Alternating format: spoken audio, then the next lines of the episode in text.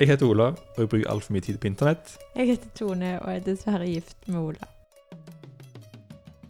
Og i denne podkasten forteller jeg deg om noe jeg har lært på internett.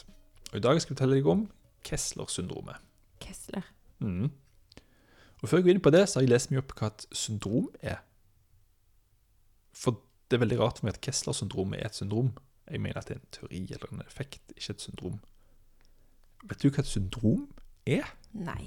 Nei, jeg prøvde å skjønne det.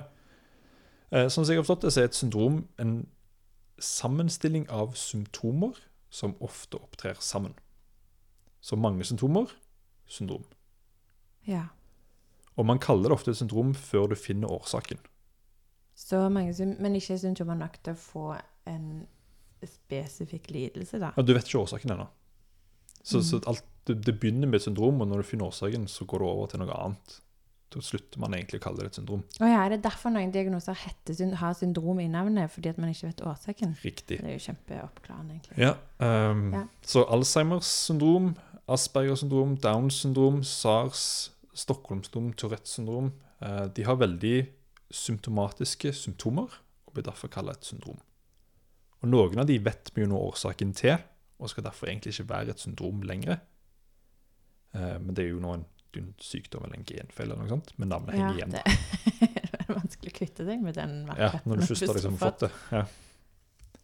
Så det er på en måte en syndrom er på en måte en placeholder til vi finner ut hva årsaken er, så vi Ja. kan gi det et egentlig sykdomsnavn.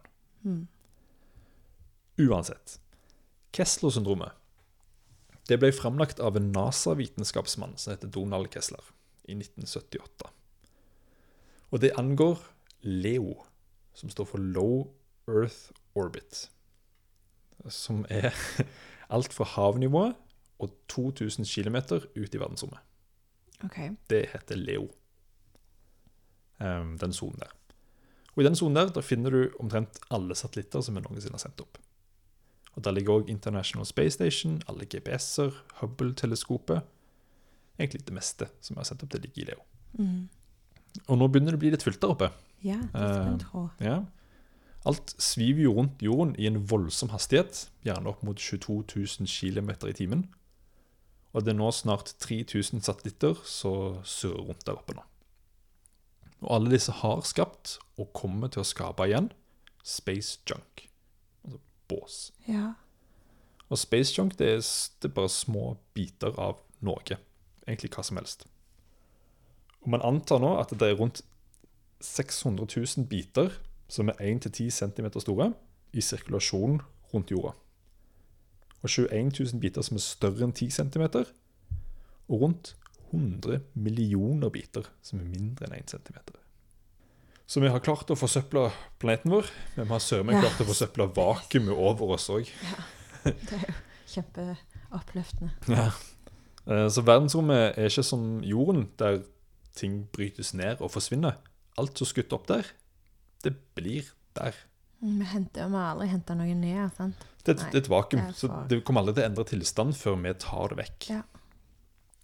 Og Kessler sitt syndrom sier da at på et eller annet tidspunkt så vil vi nå et tippepunkt der én stor nok bit med space junk krasjer inn i en litt større. Som vil lage mange, mange, mange nye space junk-biter som igjen vil krasje inn i andre. Mm. Og få en dominoeffekt som på veldig kort tid, potensielt et par timer, kommer til å knuse alle satellittene våre. Ja. Og gjøre Leo fullstendig ubrukelig i mange generasjoner fremover. Ja.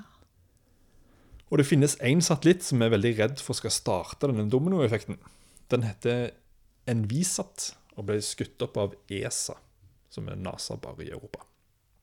Den ble skutt opp i 2002, og det kosta ikke mindre enn 23,3 milliarder kroner å lage og sende den opp. Oi. Den var aktiv i ti år, eh, og døde da i 2012. Og nå surrer den bare rundt der og gjør ingenting.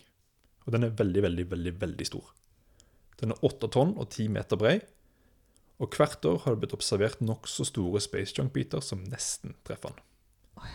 Og dersom det faktisk skjer, så kan den satellitten der trigge Kessler-syndrom, som betyr natta for all GPS, alle mobiltelefoner, værmelding, flysystemer, alle militære systemer. Alt virke Ja. i løpet av timer. Og i 2009 så skjedde det dette. Nesten. For da krasjte to andre satellitter som heter Iridium 33 og Kosmos 2251. Det er to intakte satellitter som ikke lenger er i bruk. De òg bare surrer rundt der. Og det er det første og enn så lenge eneste gangen det har skjedd at de to, to satellitter deiste inn i hverandre. Og de gjorde det i 42 000 km i timen. Og skapte helt vilt mye space junk. Men ingen Kessler-syndrom. Eh, Forskerne mener nå at det bare var flaks.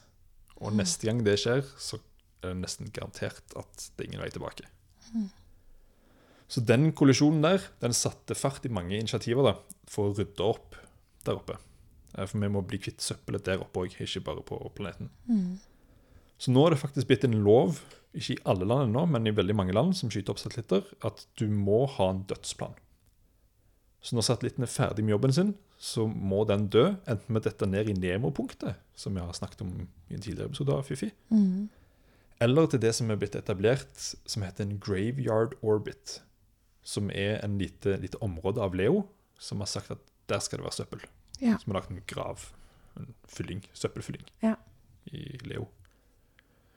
Um, så det må skje nå. Og så finnes det mange initiativer på å lage sånn nett for å fange alle disse småbitene, så ikke de skal skape Kessler-syndrom og sånt. Ja, bra.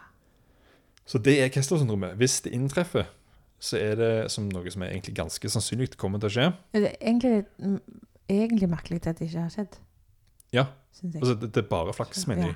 Eh, og det, det skjedde jo nesten i 2009. Mm. Eller det skjedde jo, men det trigger ikke syndromet, som jeg mener er en effekt. Det er ikke et syndrom. Nei, ja, det er også Det er jo bakover, ja. Mm. Uh, men ja, det er egentlig ganske sannsynlig at dette kommer nok til å skje på et eller annet tidspunkt. Og Mm. skjer det, så kan vi ikke bruke mobiltelefoner lenger, GPS-er, alle de tingene vi tar for gitt i dag, forsvinner. Mm. på ekstremt kort varsel. Og det kan ta generasjoner før vi klarer å få noe opp og kjøre igjen. Mm. Det er jo interessant. Ja.